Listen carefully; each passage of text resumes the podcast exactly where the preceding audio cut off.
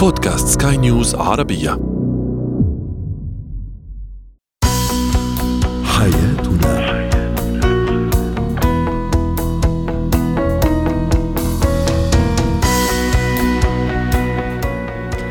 مستمعينا الكرام أهلا بكم معنا إلى حياتنا فضاؤكم اليومي الذي يعنى بشؤون الأسرة وباقي الشؤون الحياتية الأخرى والذي يمكنكم الاستماع إليه عبر منصة سكاي نيوز عربيه dot com slash podcast وباقي منصات سكاي نيوز العربية الأخرى. شاركونا أيضا عبر رقم الواتساب 00971 معي أنا آمال شابه. اليوم نتحدث عن الشريك الذي يلعب دائما دور الضحية. كيف نتعامل معه. أيضا ما هي علامات تأخر النمو العاطفي عند الطفل؟ وأخيرا إتيكيت حضور حفله عيد الميلاد.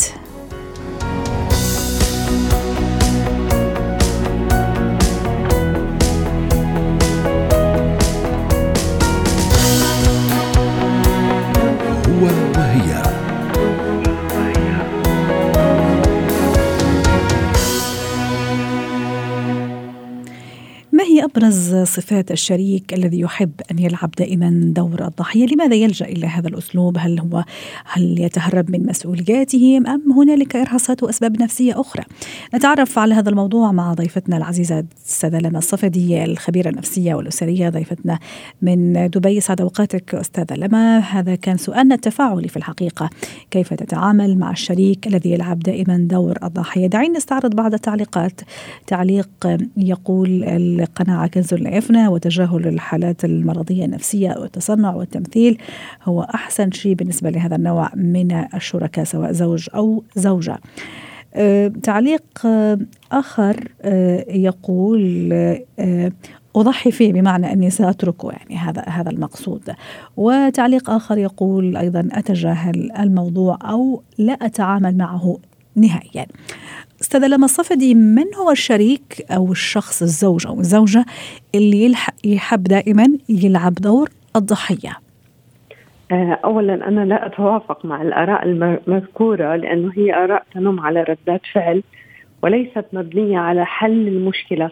الشخص اللي هو يلعب دور الضحية دائما هو شخص حرم منذ طفولته بأنه أحيانا يكون هو يعني عندنا حالتين نحن دائما بنقول في عندنا حالتين يا اما هو حرم إنه يكون آه، بموضع اهتمام وتقدير ولم يأخذ حرشه من الحب.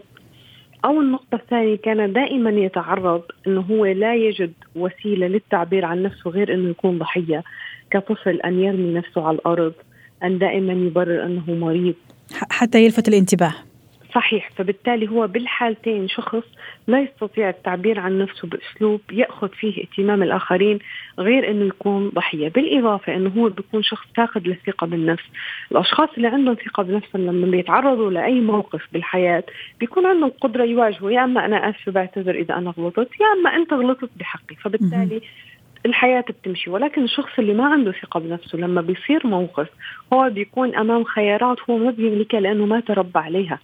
فعنده الخيار بأنه أنا لا أستطيع الاعتذار وبنفس الوقت أنا لا أستطيع التسليم أني مخطئ، الحل إنه أنا مريض، أنا أرتمي على الأرض، ارتفع ضغطي، ارتفع السكر، هي القصص اللي بنسمعها، أنا المظلوم، أنا المضطهد فبالتالي ما هذه أنا كنت حابة أسألك أيضا أستاذة لما أحيانا أنا كشريك أقع في الفخ. يعني ما أعرف إنه هذا شريكي عم يلعب دور الضحيه، ممكن حتى بعد مرور أشهر وأحيانا سنوات لا أعرف إنه لا هذا هو هيك شخصيته أو هي هيك شخصيتها تحب دائما تلعب دور الضحيه للأسباب اللي حضرتك ذكرتيها يعني لحد اعتقادك يعني.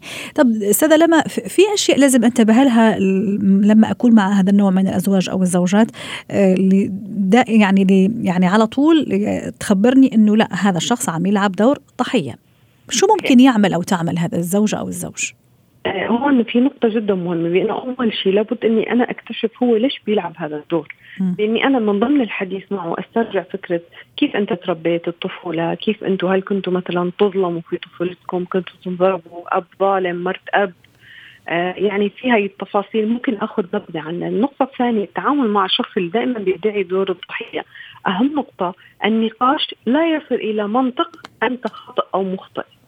يعني لابد إنه إذا كانت زوجه أو زوج أن تكون ذكية في الحوار وهي كيف بيكون طريقة علاجه؟ فإنه أعطيك مثال. لو هو مثلا نسي إحدى الأشياء اللي هو ممكن يجيبها على البيت من أغراض تمام؟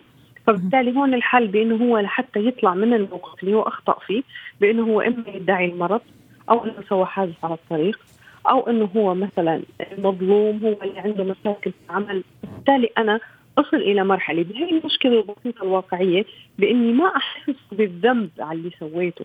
مرة بعد مرة هو لما بصير عنده إحساس بأنه أنا أستطيع أواجه الخطأ اللي قمت فيه بنلاحظ بتصير تخف. طبعا هون أنا عم بحكي بشكل مختصر وسريع ومقتضب لأن هي موضوع بيتطلب خطة معينة طويلة. نصل إلى مرحلة يتخلص لأنه هو ممكن يصير اضطراب. يعني نحن ما عم نحكي عن حالة سلوكية تحدث مرة في العمر أحيانا تحدث. وهون كمان في ملاحظة بأنه أستاذة أحيانا بالخلافات الزوجية لحتى أحد الشريكين يطلع من الخلاف ممكن يدعي أنه مرض ارتفع ضغطه صداع يعني تحدث. أو ليتهرب من مسؤولية معينة مثلا. هي لا نسميها بأنه شخص يدعي أنه مظلوم. أحيانا تحدث. لو حدثت على مدار سنوات أكثر من خمس ست مرات هذا طبيعي. ولكن نحن نتحدث عن شخص أسلوب المعتاد اليومي بعمله بعلاقته العاطفية مع أصدقائه بأنه دائما يتخلص من مسؤولياته عن طريق إبراز بأنه هو مظلوم هو مضطهد هو مستغل ما في حدا بيحبني. دائما يعلو صوته يبدأ بأنه يصير هجومي يقلب الموضوع آه، يعني يكون الموضوع مثلا عن تقصير معين فيقلب إلى مشاعر بأنه أنا ما حدا بحبني أنا ما حدا بيهتم فيني.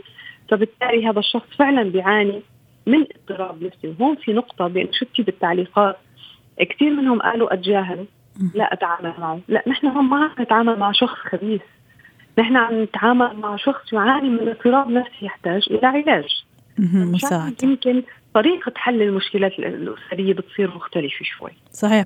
وأيضا أكيد أستاذة لما إذا إذا تجاهلنا الموضوع إذا ما تعاملنا مع الموضوع يعني بشكل جدي وبشكل يعني نحتوي الشخص سواء زوج أو زوج أكيد راح يأثر على الجو العام للأسرة على حتى الأولاد. يعني تصوري إنه يشوفوا أبوه أو أمه دائما هذا النوع من ال... يلعب دائما يعني عفوا دور الضحية أو تلعب دائما دور الضحية فأتصور إنه هذا الذبذبات السلبية راح تنتقل الأسرة وتحديدا للأولاد أليس كذلك؟ صحيح. طبعا أكيد الطفل مقلد للسلوك أكثر ما هو يقلد الكلام الذي يوجه له. وفي نقطة هون حابة أوجهها بأنه أنت كشريكة حياة بدل ما أنا أتجاهل ردات فعله بكل بساطة هي دائما بنطرحها كأول أساليب العلاج حوار خارج المنزل. ليش خارج المنزل؟ لأنه كل شخص فينا المنزل هو عبارة عن سلسلة من الذكريات والمواقف اللي بتصير معنا بحياتنا. ولكن أنا اليوم كلمة لما بصير معي مشكلة مع أي شخص لما بكون بمكان منعزل برا البيت برا المكان اللي بنتمي له بمكان منعزل في مؤثرات خارجية بيكون تركيزي أكثر بالمشكلة. وهي نقطة كثير مهمة لما تصلحوا علاقتكم مع الشريك وتحبوا يكون في حوار من القلب إلى القلب لا تقوموا بهذا الحوار داخل المنزل. رائع. لأن المؤثرات المنزلية بتأثر فيه صوت الأولاد إحساس بأن المطبخ في شيء نسيته ذكرى غرفة النوم لمشاكل سابقة. بينما أنا لو اخترت أي كافيه أي حديقة عامة أي مكان برا ممكن نطلع أنا وياه عليه. أنا عزلت حالي عن المؤثرات الخارجية. فبتشوفي الحوار ودي. بتشوفي بأنه بتنتهي المشكلة أسرع. بتشوفي بأنه أحيانا في ناس بتصير بتفتح قلبها للشريك وبيبتدوا يحكوا. هاي نصيحة اليوم جدا مهمة مع الشخص اللي بيدعي دائما. إنه هو المظلوم بإنك أنتم أو محتاجين هذا الحوار بفكرة بإنه أنت شو اللي زعجك؟ شو اللي حابب إنه نحن نغيره بحياتنا؟ وشو الأشياء اللي أنت حابب إنك تتغير فيها؟ أحيانا كلمة صادقة من القلب ممكن تحدث تغيير بالآخر.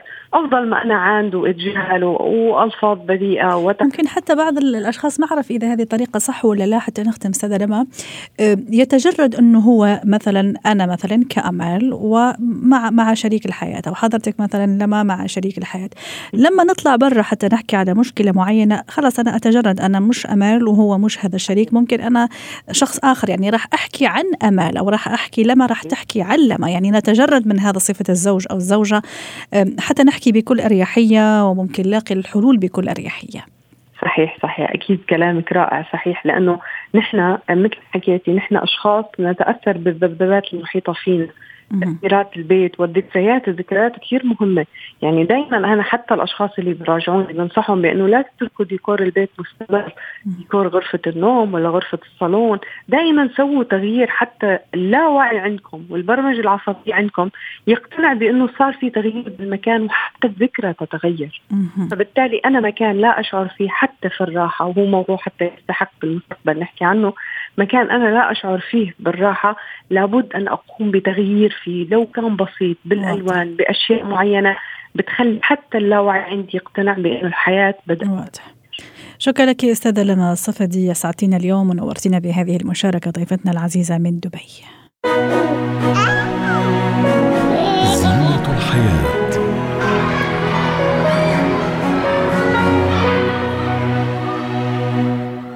اليوم في زينة الحياة نتحدث عن تأخر النمو العاطفي عند الطفل. للحديث عن هذا الموضوع رحبوا معي بدكتورة هبة شركس الخبيرة التربوية ضيفتنا العزيزة من أبو ظبي. سعد أوقاتك دكتورة هبة. في البداية كمدخل آه، بسيط حتى نقرب المفهوم أكثر للسادة المستمعين. بشكل بسيط ما هو النمو العاطفي عند الطفل؟ ومتى يبدأ بالتكون إذا بدك؟ هو النمو العاطفي عند الطفل هو تحول الطفل من ان هو عادي يركز على مشاعره بس لأن هو بيركز على مشاعره وبيعي إن الآخرين عندهم مشاعر.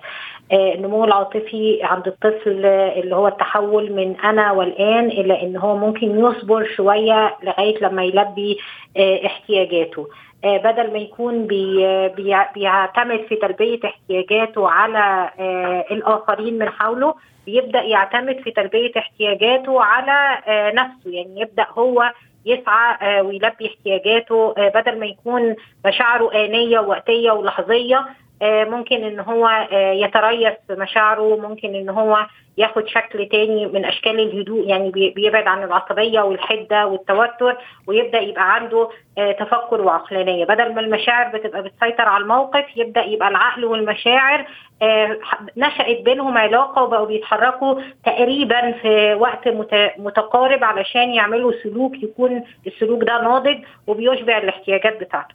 جميل. دي كلها مظاهر من مظاهر النمو العاطفي عند الأطفال آه كمان بدل ما يكون بيعبر عن مشاعره بطريقة فيها عصبية وحدة يبدأ يعبر عن مشاعره بطريقة فيها انسيابية وسلاسة. طيب دي كلها مظاهر من مظاهر النمو العاطفي عند الأطفال اللي بيبدأ منذ منذ يعني اللحظات الأولى، يعني الطفل مثلا لما بيتولد بيبقى بيعبر عن نفسه بالبكاء بس بيحاول يستخدم تونز مختلفة في البكاء علشان يعبر عن احتياجات مختلفة. صحيح. يعني بيزن كده علشان يبقى عايز ينام. لكن لما بيصرخ بنبقى عارف إن إحنا إن هو جعان. لو صرخ صرخة معينة بنبقى عارفين إن في ألم. صح. هو بيحاول حتى الأسلوب البسيط البدائي اللي هو البكاء بيحاول يستخدمه بطرق مختلفة عشان يعبر عن احتياجات مختلفة. رائع. كيف أعرف أنه أنا ابني أو طفلي عنده تأخر في هذا النمو العاطفي؟ ومتى يبدأ أيضا؟ متى تبدأ هذه العلامات في الظهور؟ آه، طبعا هو التأخر في النمو العاطفي ممكن نلاحظه آه، من السنوات الأولى يعني من بعد سنتين من العمر لأن هو ده اللي بيبدأ يحصل فعلا نمو آه، في المشاعر ويبدأ الطفل يدرك احتياجاته يقدر الطفل يصبر شوية يقدر الطفل يعبر عن نفسه بطرق غير الصراخ يبدأ يتكلم بيبدأ يبقى بيكتسب اللغة. بيبدأ يرفض بيقول لأ بيقول آه بيوافق بيفهم حتى لو ما قدرش يعبر آه، بشكل قوي بس بيفهم الكلام اللي إحنا بنقوله له وبيبدأ يسمع الكلام ده ويتفاعل تجاه الكلام ده. لما ألاقي طفلي إن هو عنده سنتين مثلا أو سنتين ونص ولسه مش قادر آه، يعبر عن نفسه مش قادر يتخلص من نوبات الغلط الغضب آه، بتاعته فيبقى هو كده في بدأ يبقى في عندنا مشاكل في النمو العاطفي. لما يكبر طفلي شوية مثلا عن سن الأربع سنوات واقول له مثلا وطي صوتك بابا نايم أو ما تدخلش الغرفة دي عشان أختك بتذاكر أو ما تعملش كذا علشان حد تاني يرفض ويحس إن هو بس اللي مهم. فهو كده عنده نمو عنده تأخر في نمو التعاطف والتفهم الاحتياجات الآخرين حواليه. آه لما ألاقيه مثلا لما يشوف حد آه, آه، وقع من صحابه أو اتعور أو اتخبط أو كده ممكن يضحك عليه. فده برضو شكل من أشكال تأخر النمو العاطفي. فيبقى المفروض إن أنا بتابع ابني وبعلمه أصلا المهارات العاطفية مكتسبة. فأنا هل أنا بدربه على المهارات العاطفية؟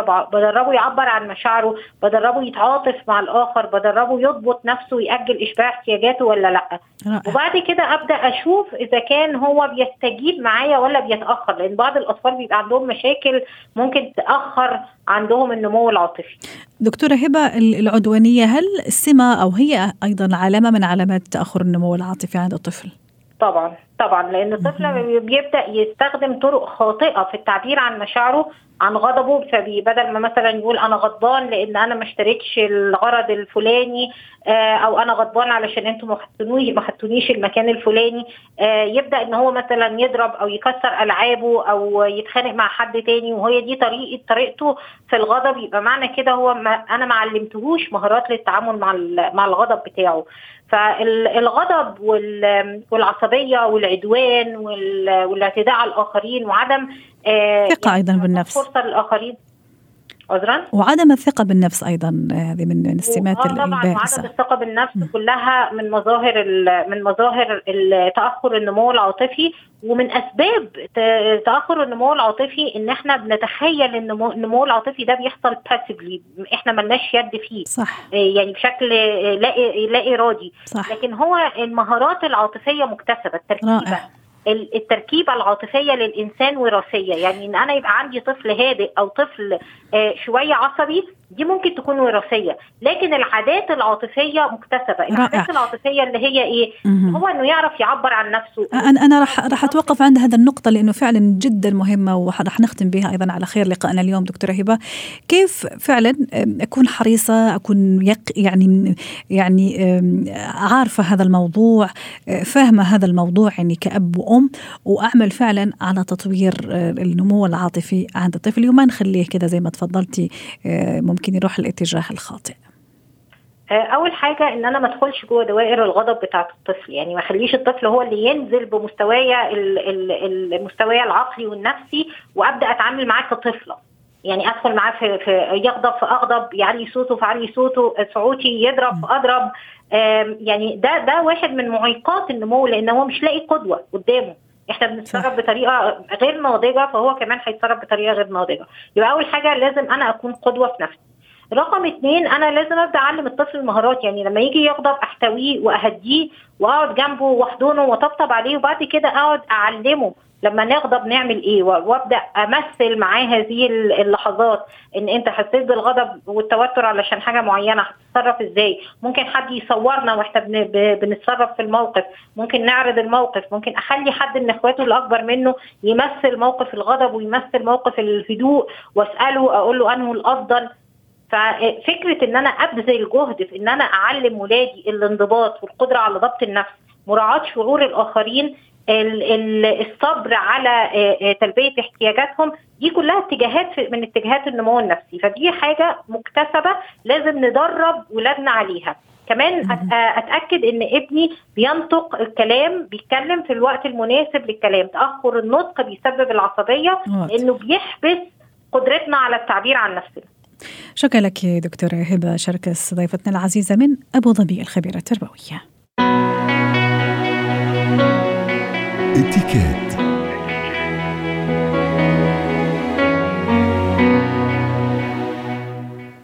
اليوم سنتحدث عن اتيكيت اعياد الميلاد أو عيد الميلاد للحديث عن هذا الموضوع. تنضم إلينا من بيروت خبيرة الاتيكيت مارلين سلها بسعد أوقاتك أستاذة مارلين. أحيانا قد يستغرق آه، مني وقت آه، أيام أحيانا أحيانا أشهر لاحضر لحفله عيد ميلادي أو لانا أكون يعني معزومة لاروح كضيفة لحفله عيد الميلاد. طبعا أتصور يختلف إذا كان الشخص يعني بالغ اللي يعمل عيد ميلاد ممكن أنا أعمله لاحد أولادي. لكن في كل الاحوال أكيد إلا في اتيكيت وطريقة وذوق وأسلوب لحضور أو حتى لدعوة أحدهم لحضور حفلة عيد الميلاد. طيب خليني أتفق أنا عيد ميلادي بعد شهر وفعليا هو كذلك. تقريبا آه، كيف أجهز لحفلة عيد الميلاد من حيث الاتيكيت والطريقة نعم نعم آه، أول شغله آه، إذا بدنا نحكي كبار أم صغار من الأفضل لعيد الميلاد نعطي علم خبر قبل أسبوعين ثلاثة. معلش أسبوعين بيكفوا إنه نعطي علم وخبر. هلأ لما بنكون كبار من الأفضل من الأفضل دائما آه نخلي نمر التليفون ليتصلوا ليأكدوا إنه حضرته إنه الناس جايين. لأنه أوقات كثير بتعرفي نحن بأيام بنحب نعرف الناس قديش رح يكون العدد وين نحن رح نعمل عيد الميلاد. هلأ لما بيكون أولاد صغار وهون الحلو إنه آه هن بينطروا هالعيد من سنة لسنة. يعني بيعرفوا إنه هالعيد كثير مميز لإلهم. هون نحن فينا نستغل هل آه يعني ما راح أقول استغلال بس راح أقول إني أنا هون في أسس إني أعلمه لهالولد قديش مهم كيف يعزم الناس. بمجرد إنه أنا أقعد أنا وياه نحكي شوي شو حابب هو الفهم اللي أنا حابة أعمله يعني اوقات بتعرفي في أولاد صغار بيبقى عندهم موضوع معين صح. يحكوا عنه. صح تصور. من أنا بحكي صح. أنا أول. وي أكيد تصور. مم. لأنه هن أحلامهم بتبقى كثير كبيرة وهالنهار كثير كثير مهم. وبعدين بما يخص المعازيم نحن بعصر ما إلى دخل بس بالفلوس. نحن بعصر ما بنعرف اليوم بكرة شو مخبيلنا قد في حلو إني أنا أحكي أنا وولدي إنه المعازيم يكونوا الناس اللي هو بحبهم. يعني ما علي إذا هو ولد صغير عمره ثلاث أربع سنين أنا لا أقدر أهتم بأصحابه. ما مفروض يتفوقوا عن أربع خمس أولاد. هلأ هيدي بترجع للأهل ونحن هون ما ندخل فيها. إذا بدي أقول بالمدرسة هلأ نحن مش بوضع وضع الكورونا. بس لنقول كنا بالمدرسة مفروض تعرف الأم والأب إنه ما فينا نعزم نص وثلاث أرباع الصف ونترك الباقيين لأنه حرام. عم نعقد الأولاد الباقيين. ليش أنا مش معزوم؟ هالأشياء الصغيرة كثير بتأثر. هلأ وين الحلو بالولاد لما بتعلموا الأم إنه نحن سوا رح نشتغل على الموضوع نحن رح ننتبه على شو حابب أنت الألوان اللي تحطها على الطاولة. معلش إذا كان في إشياء بسيطة على الطاولة كل الناس قدرتها إنه يمكن تجيب من برا وتجيب جميع الأشكال. صحيح. بس بمجرد إنه في جاتو في مشروب في آه إشياء بحبهم الولد. بتعرفي أوقات. إشياء بسيطة كثير نحن ما يعني ما بننتبه لها الولد بحبها يمكن يمكن الفوطه اللي اللي مصور عليها صورة ممكن هو بحب صح من الشخصيات الكرتونية ممكن اللي يحبها أكيد هذه راح تساعده. نعم. سيدة ملا نحن الوقت حتى الوقت ما يداهمنا ونحاول شوي نلامس الموضوع من جوانبه يعني كل جوانبه. لما نجي مثلا لواحد بالغ أو راشد شخص كبير مثلا زي ما قلت لك ممكن أنا آه، عيد ميلادي آه، راح عم جهز لعيد ميلادي أو أنا مدعوة أيضا لعيد الميلاد. كيف الطريقة وكيف الموضوع الهدية؟ هل ممكن مثلا أسأل الشخص كم صار عمرك مثلا هذا هذا يصير ما يصير. في ناس مثلا صارت تستعرض الهدايا آه، مثلا على وسائل التواصل الاجتماعي. أعطيني كذا يعني فكرة عن الموضوع. نعم. نعم. أول شيء خلينا نبلش إذا نحن كبار ومعزومين على عيد ميلاد. آه، أول شغلة نحن نجاوب إذا رايحين ولا مش رايحين. طيب. من أهم شيء. يعني شغلة آه، قد إيه قرابتي أنا؟ قديش أنا قريبة من الشخص؟ ممكن أنا أفكر بالهدية. بس حتى لو أنا يمكن بالشغل مع زملاء ممكن نتشارك عدة أشخاص. وإذا أنا لوحدي ممكن إشياء بسيطة بس تهم الشخص. بدي أقول شيء كثير ناس تسال عليه. الهدايا بنفتحها بعيد الميلاد. هون كمان بدي أقول لما بتكون عدة هدايا فينا ما نفتح على عيد ميلادنا الهدايا بس ما فينا ما نشكر الأشخاص. وهون بدي ارجع لحضرتك اللي عم بتقولي في إشياء اوقات ما بننتبه لها، نحن بنحط الكارت دائما الاسم تبعنا فوق العلبه، هيدا الشيء ما بصير، بدنا نحطه تحت الأمبلاج، تحت التغليف اللي بنلف فيها نعم التغليف بدنا نحطه تحت التغليف الاسم لأنه أوقات كثير بيوقع ناس ما بتعرفوا على كثرة الهدايا ممكن ما نعرف. هلأ هون اشياء في دقيقة أستاذة مارلين. بتأثر. نعم نعم. أهم شيء thank you note ما ننسى. وما ننسى نذكر نذكر الأطفال إنه هن حتى لازم يكتبوا thank you note وحتى الكبار ما ينسوا يشكروا الناس اللي جايين وأهم شيء أهم شيء ابتسامتنا بإستقبال الناس بعيد مطلق. كبير آخر نقطة في عشر ثواني موضوع استعراض الهدايا خاصة للكبار يعني على وسائل التواصل الاجتماعي إنه وصلني ال brand الفلاني والشيء الفلاني والهدية الفلانية.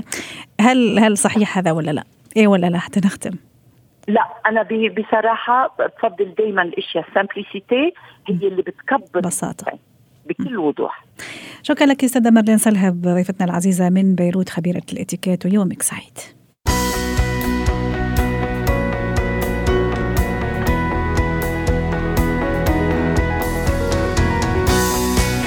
ختام حلقة اليوم من حياتنا. شكرا لكم وإلى اللقاء.